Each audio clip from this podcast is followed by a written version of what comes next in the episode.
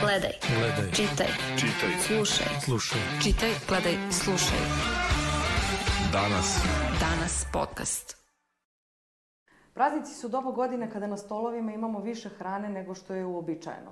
Koliko hrane bacamo i kakav je uticaj na životnu sredinu razgovaramo u ovonedeljnom podcastu Lista danas. Moje ime je Nina Čolić, a ovonedeljni gosti e, su Ivana Jovčić i Vladan Šćekić iz Centra za unapređenje životne sredine.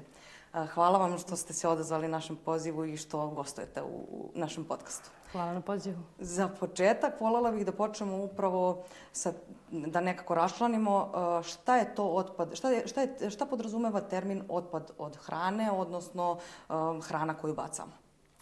Kada bacamo uh, hranu, ono što mi radimo kao domaćinstva, kao pojedinci i uh, ono što se nalazi u maloprodajnom lancu nakon nabavke u objekte, u stvari potpada pod otpad od hrane. Ono što se baci pre toga, dakle od njive do prodavnice, su gubici u hrani. To su dve stvari koje pre svega raspoznajemo, ali zajedno posmatrano, e, ta količina hrane koja se za godinu dana kroz te viškove i kroz otpad od hrane baci na celoj planeti može da nahrani sve gladne sledeće tri godine. Um, do onda negde bih i, i voljela da se dotaknemo toga um, kada govorimo o otpad od hrane. Dakle, koja je to vrsta otpada? Da, da li govorimo samo o, nek, o voću, povrću, mesu ili nekim drugim stvarima? Dakle, šta, šta najviše čini uh, otpad od hrane? Pa u principu sve se baca, e, dakle i voće i povrće i meso, mleko, mlečani proizvodi hleb. E sada statistika je naravno drugačija, najviše bacamo povrće, na drugom mestu su voće i zatim slede proteini, odnosno meso, mesne prerađevine, dok se mlečani proizvodi u principu najmanje bacaju, međutim njih je najteže izmeriti obzirom da je jedan deo tih mlečnih proizvoda u tečnom stanju i da obično završe u kanalizaciji. Tako da su i te cifre možda veće, ali mi nemamo podatke o tome. Sad kad, kad smo pomenuli cifre, koji su to brojevi? Dakle, o, o, čemu, o kojim brojevima govorimo? Pa mi smo sad uradili istraživanje na nivou Beograda kroz eh, direktna me- merenja. Radili smo dakle, domaćinstva i komercijalni sektor i došli smo do podatka da svako od nas u proseku, bez obzira na godište, baci oko 135 kg hrane godišnje. Dakle, to su i jestivi i nejestivi delovi hrane. E, Samo da eto i još jednom definišemo to, e, jestivi i nejestivi delovi, dakle, š, kako ih uh, raščlanjujemo. Pa jestivi delovi hrane su dakle sva ona hrana koja je mogla da bude pojedena, ali nije. Dok nejestivi delovi hrane je ono što praktično nije za ljudsku ishranu. Tako da, na primjer, ukoliko uzmemo pileći batak i tu kost bacimo, to su nejestivi delovi hrane, ali ukoliko bacimo kožicu, onda to spada u jestive delove hrane. Um, kakva je uloga, recimo, ugostiteljskih ili uslužnih objekata u, u, do, u tom nekom doprinosu velikoj količini otpada? Dakle, da li, kada, gledamo u odnosu na um, domaćinstva, uh, kako je razlika? Pa domaćinstvo bace, znači na nivou Beograda oko 160.000 tone hrane, dok e, ugostiteljski, odnosno komercijalni sektor učestvuje sa oko 40.000 hrane tona hrane. Dakle, to jeste manja količina, ali opet moramo da imamo u vidu da veliki broj e, građana i ne koristi usluge iz komercijalnog sektora. U, istraži, u, u jednoj od publikacija na, na vašem sajtu sam videla da se pominje i ta dostava hrane. Dakle, da li se to kvalifikuje kao ugostiteljski sektor ili domaćinstvo? Ugostiteljski sektor. Ugostiteljski. Um, u, negde sam isto na sajtu videla uh, pojam ci, ciklus snabdevanja. Dakle, šta, šta to podrazumeva? Kada pričamo o otpadu od hrane, uh, ono što mi kao obični građani svakodnevno možemo da vidimo jeste sam taj otpad koji bacamo koji je uzrok zbog prevelikih količina kuvanja ili toga što nešto nije pojedeno. Međutim, e, otpad od hrane je daleko kompleksniji od toga i on nastaje u svim ciklusima u stvari našeg bavljanja hranom. Kada pričamo o tome, pričamo pre svega o tome da e, je važno planirati obroke, onda shodno planu tih obroka je važno napraviti spisak za kupovinu. Posle toga kada odemo u prodavnicu treba se držimo tog spiska, jer sve što kupimo mimo spiska vrlo često završi u otpadu. Znači, ne treba da nas povedu akcije ili neki popusti ili specijalne ponude ili zato što nešto lepo miriše ili zato što videli komšiju da je kupio nešto što nam je u tom trenutku delovalo zanimljivo. Nakon toga, kada tu hranu donesemo kući, jako je važno nju skladištiti na adekvatan način. Nisu sve namirnice za frižider ili za van frižider ili za zamrzivač. Tako da i tu u tim segmentima treba voditi računa kako šta treba se čuva da bi se što više produžila svežina, odnosno rok trajanja tih namirnica. Naravno, kada kuvamo, mi znamo da smo mi negde domaćinska sredina i da se kuva više nego što je potrebno. Često se dešava i da hrana ne ispadne dobro, pa se zbog toga baca. I na kraju, ovaj, naravno, kada počnemo da jedemo, često imamo naviku da prepunimo tanjire i onda sve ono što ostane na tanjiru u principu bude bačeno. Ono što ostane u šerpi, to se i da iskoristiti, međutim ono što ostane na tanjiru bude bačeno. I onda ovaj, ono što mi možemo preporučiti jeste svakako da se sipa više puta. Ali to je nekih pet oblasti i u svih tih pet oblasti je jako važno razvijati određenu vrstu discipline kako prosto kroz ceo taj lanac bismo što više smanjili bacanje hrane. Jer možemo reći da je preventiva u ovom slučaju najjednostavnija i sigurno najjeftinija stvar. U preventivu bi spadalo verovatno onda i da se ne, nekom regulativom i ugostit, um, uslužni objekti, dakle prodavnice, ograniče verovatno sa um, tim akcijama, jel tako, ili grešim? Pa u principu da, međutim ono što nama nedostaje je zapravo zakon o upravljanju viškovima hrane. A, radna grupa za izradu tog zakona je formirana još 2015-16. godine. godine. A, ovaj, dakle, prošlo je već dovoljno godina. Međutim, mi još dan danas nemamo nacrt tog zakona, tako da praktično ne znamo ni šta piše. Međutim, pojedine evropske zemlje, na čelu pre svega sa Francuskom, su to zakonski uredile i recimo ne dozvoljavaju prodavnicama prehrambene robe da hranu bacaju, već moraju da nađu način kako će dalje da je prodaju, odnosno da je iskoriste i ukoliko je bace, onda plaćaju drakonske kazne. Tako da takva neka mera bi verovatno pomogla da se smanji količina hrane koja se baci iz komercijalnog sektora. O, ukoliko se ne varam, pre jedno pa dve, tri godine kružila je internetom priča da su peka, pojedine pekare bacale hranu i, i hleb i, i pecivo. Da li, da li na, na koji način to može da se reguliše pored za, zakonskog nekog e, okvira? Pa malo je problematično zato što prvo pekare ne smiju tu hranu tek tako da doniraju, odnosno niti recimo ukoliko imate catering pa imate sada na kraju neki višak, vi tu hranu ne možete da donirate zato što se vodi računa dosta o toj e, bakteriološkoj ispravnosti hrane i to je ono što nas praktično sprečava da tu hranu doniramo, iako je ona praktično i dalje ispravna i može da se koristi za ishranu. Um, u publikaciji sam uh, videla takođe da ste ispitivali negde stavove građana. Dakle, koji su razlozi zašto oni bacaju ili ne bacaju hranu? Šta su najčešći odgovori? Pa, pre svega zato što se hrana pre, uh, pokvarila uh, ili je zaboravljena u frižideru ili je istekao rok trajanja. Dakle, to su najčešća tri razloga zašto se hrana baca. Kada govorimo o nebacanju, to je pre svega dobro planiranje, Zatim, postoji određen broj ljudi koji ima svoje kućne ljubimce, pa onda sa tim ostacima hrane, praktično hrane e, kućne ljubimce i, e, ili praktikuju kompostiranje, pa ta hrana ne završi u komunalnom otpadu e, i opet se na neki način vrati u zemlju. Tako je, pored toga, važno je dodati da građani prepoznaju i one ostatke od hrane koji bi mogli da se spreme i njih ovaj, takođe često bacaju. E, najčešći razlog za to je što e, članovi domaćinstva ne žele da jedu bajatu hranu ili ne znaju šta da naprave od toga dalje. Dakle, jedan set navika koji definitivno treba se menja i verovatno malo umešnost u pripremu, pripremi nekih novih obroka od ostataka koje već imamo, dakle malo kreativnosti, malo savladavanja te kulinarske umetnosti bi svakako doprinelo da manje hrane bacamo, pogotovo u domaćinstvima. Ne možemo onda i da ne pomenemo upravo koje su to, koji su to posledice bacanja hrane. Dakle, šta je ono što građani zapravo, čega građani nisu svesni, šta to radi, šta, šta se dešava sa tom hranom koju mi bacamo i koliko to zapravo loše utiče na, na životnu sredinu.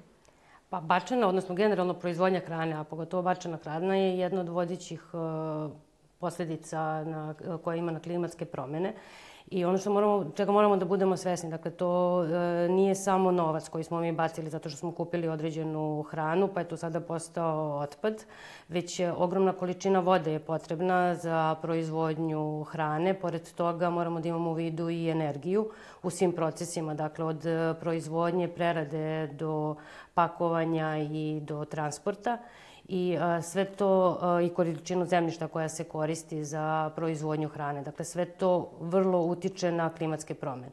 Kada hrana završi na otpadu, ona ispušta metan, to je gas koji je takođe spada u gasove sa efektom staklene bašte, o kome se malo manje priča, ali je mnogo opasniji od ugljen dioksida koliko sam videla i ispitanici su u toj vašoj publikaciji komentarisali baš, da, to jest primetila sam da je jako mali broj ljudi um, prepoznao efekat staklene bašte kao da, kao da kao problem, dakle, ali jako mali broj ljudi.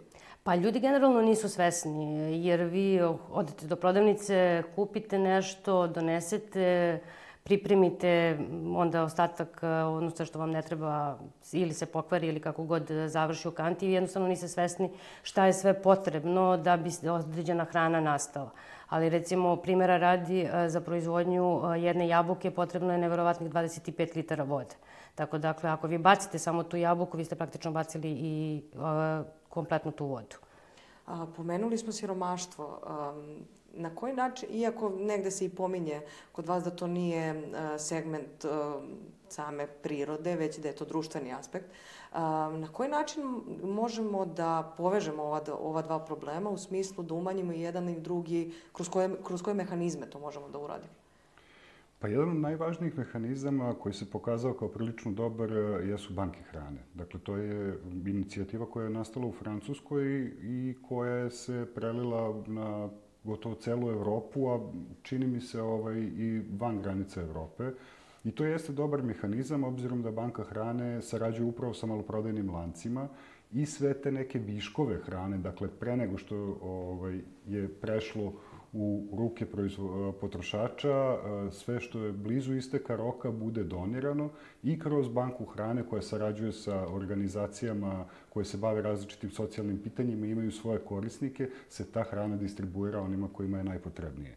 U Beogradu banka hrane radi već duži vremenski period i ono što smo primetili u zadnje vreme jeste da se cela ta njihova priča sada sjajno razvija, E, sa jednim maloprodajnim lancem e, i UNDP-em je čak razvijena aplikacija koja je zastovana na blockchainu i koja omogućava e, lakši uvid u to gde i koja količina namirnica se nalazi, kako bi te organizacije koje sarađuju sa bankom hrane u stvari mogle lakše da pronađu te namirnice i da im pristupi. To važi za celu Srbiju I to je jedan jako značajan mehanizam za koji tek očekujemo da će zaživeti u budućnosti kada se pridruži još veći broj maloprodajnih lanaca i nadamo se kada se uvede i to neko zakonodavno rešenje koje će njih praktično, hajde uslovno da kažemo, naterati da doniraju hranu pre isteka roka. Uh, jako je važno dodati i u celoj ovoj priči da uh, je jedan deo uh, problema u, u doniranju viškova hrane i PDV koji se plaća na tu hranu. Dakle, proizvođači, odnosno trgovci hranom, nisu oslobođeni PDV-a ukoliko tu hranu doniraju i to jeste jedan od velikih problema imajući u vidu da je uništavanje jedne tone hrane, zašto se najčešće odlučuju iz čisto finansijskog aspekta, negde oko 30.000 dinara.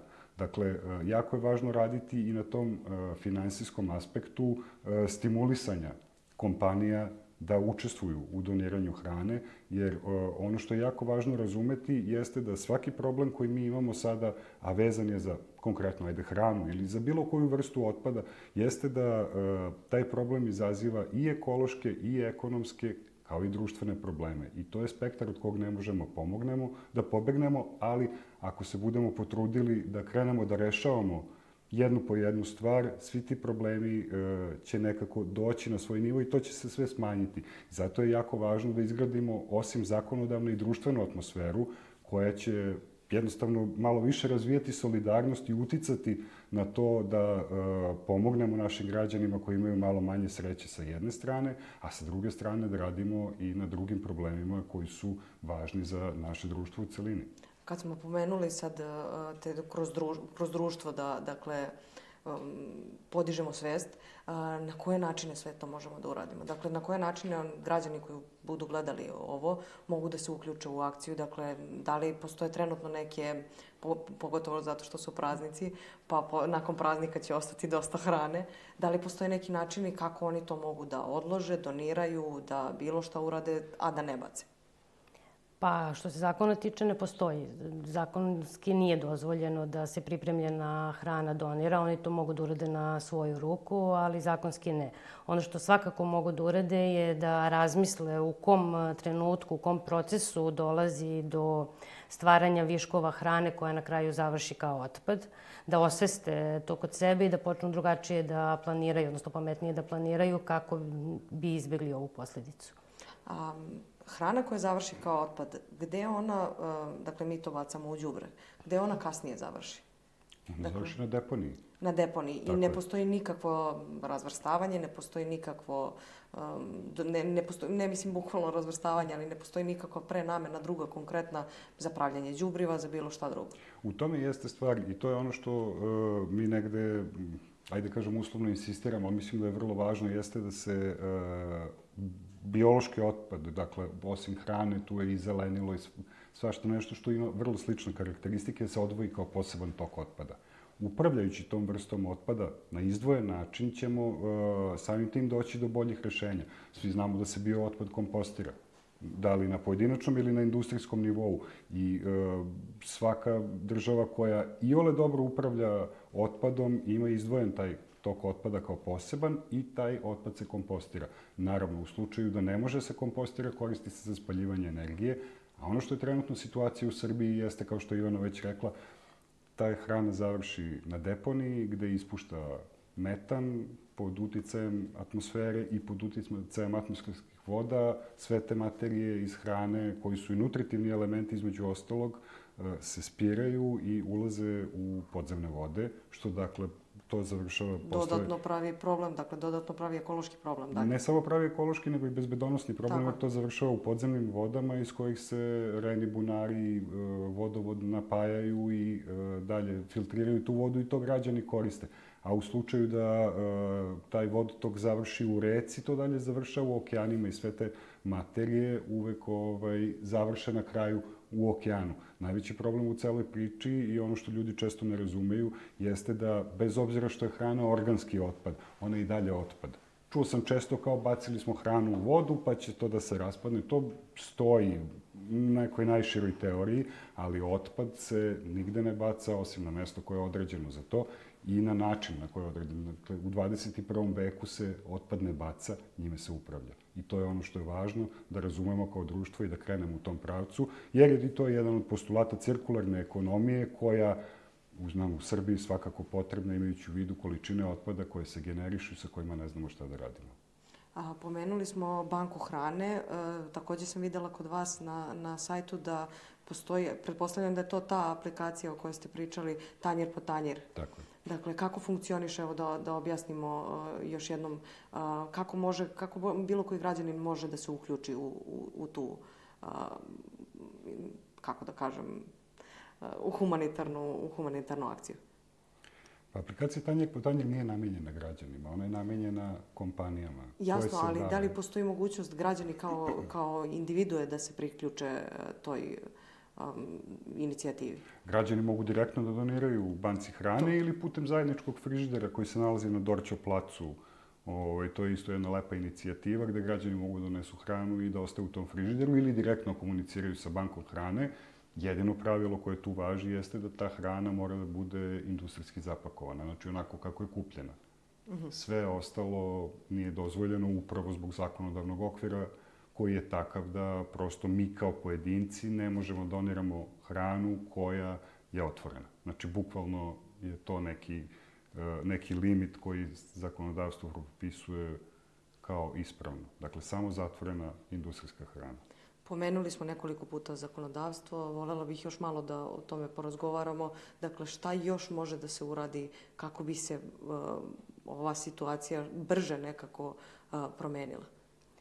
Pa pre svega donošenje zakona o upravljanju viškovima hrane, zatim promena zakona o porezu na dodatu vrednost gde bi se kompanije koje doniraju hranu bilo oslobođene ili barem ne moraju cijelog iznosa, ali barem jednog većeg dela iznosa PDV-a.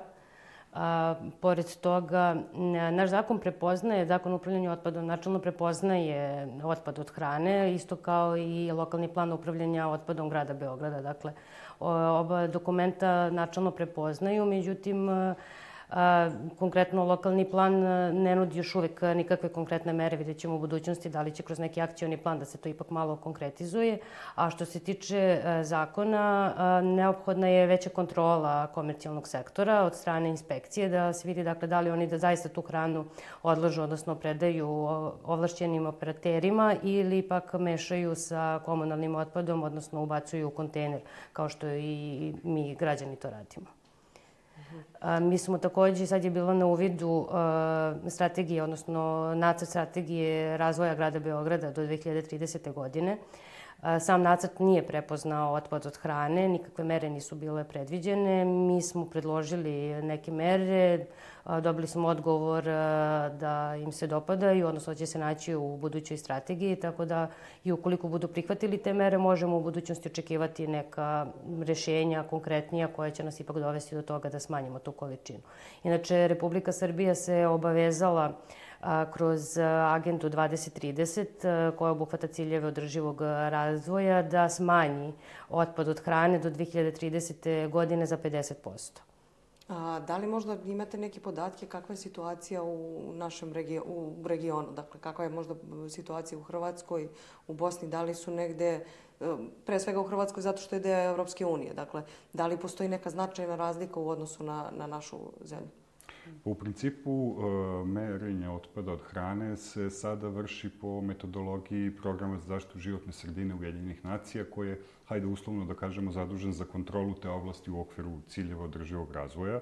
I još uvek se ta metodologija usklađuje, tako da e, nemamo skroz precizne rezultate, ali možemo reći da e, su sve vrednosti u principu manje više slične. Slovenija ima nešto manje vrednosti, ali opet to je sve pitanje metodologije i pouzdanosti rezultata. Dakle, e, e, cilj e, indeksa otpada od hrane nije da licitira sa pozicijama gde se ko nalazi, nego prosto se uspostavi jedna osnova od koje će se dalje meriti koliko neka država članica Ujedinjenih nacija radi na problemima koji su iskazani kroz ciljeve održivog razvoja, konkretno bacanje hrane, jer cilj 12.3 propisuje, kao što je Ivana rekla, da se do 2030. prepolovi bacanje hrane. Mi smo za Srbiju sada uspostavili tu vrednost radeći ovo istraživanje, jer su rađene upravo po toj metodologiji e, i očekujemo da ćemo u narednih 2-3 godine na globalnom nivou imati daleko pouzdanije rezultate, jer još uvek imamo unutar jedne zemlje različite, potpuno različite rezultate za različite gradove. Tako da e, još uvek e, cela metodologija traži negde to svoje mesto da onako da klikne i da svi onda krenemo na isti način potpuno da ovaj da merimo otpad od hrane jer je to jedini način da izmerimo koliko dobro se i brzo krećemo ka cilju. I još jedna bitna stvar je kada pričamo o zakonu, ono što nam je takođe potrebno je bolje e, e, preciziranje, odnosno definisanje šta znači najbolje upotrebiti do i upotrebljivo do. E, jer praktično upotrebljivo dvo bi trebalo da se odnosi na lako kvarljive namirnice kao što su mleko i mlečani proizvodi i meso, dok najbolje upotrebljivo do je praktično rok koji nam govori o kvalitetu same namirnice. E, odnosno proizvođač nam garantuje kvalitet same namirnice, da li je ona dovoljno sočna, kremasta e, i tako dalje. Posle tog roka ta namirnica je i dalje bezbedna za ishranu, međutim po našem zakonu ne može da se donira, već mora da se baci. Tako da bi i promena i u tom e, delu zakona verovatno dovela do smanjenja količine hrane koja završi na kraju kao otpad. Hvala vam što ste govorili za uh, list danas, odnosno za naš podcast. Uh, vama hvala što ste nas slušali i slušamo se i sledeće nedelje. Gledaj. Gledaj. Čitaj. Čitaj. Slušaj. Slušaj. Čitaj, gledaj, slušaj. Danas. Danas podcast.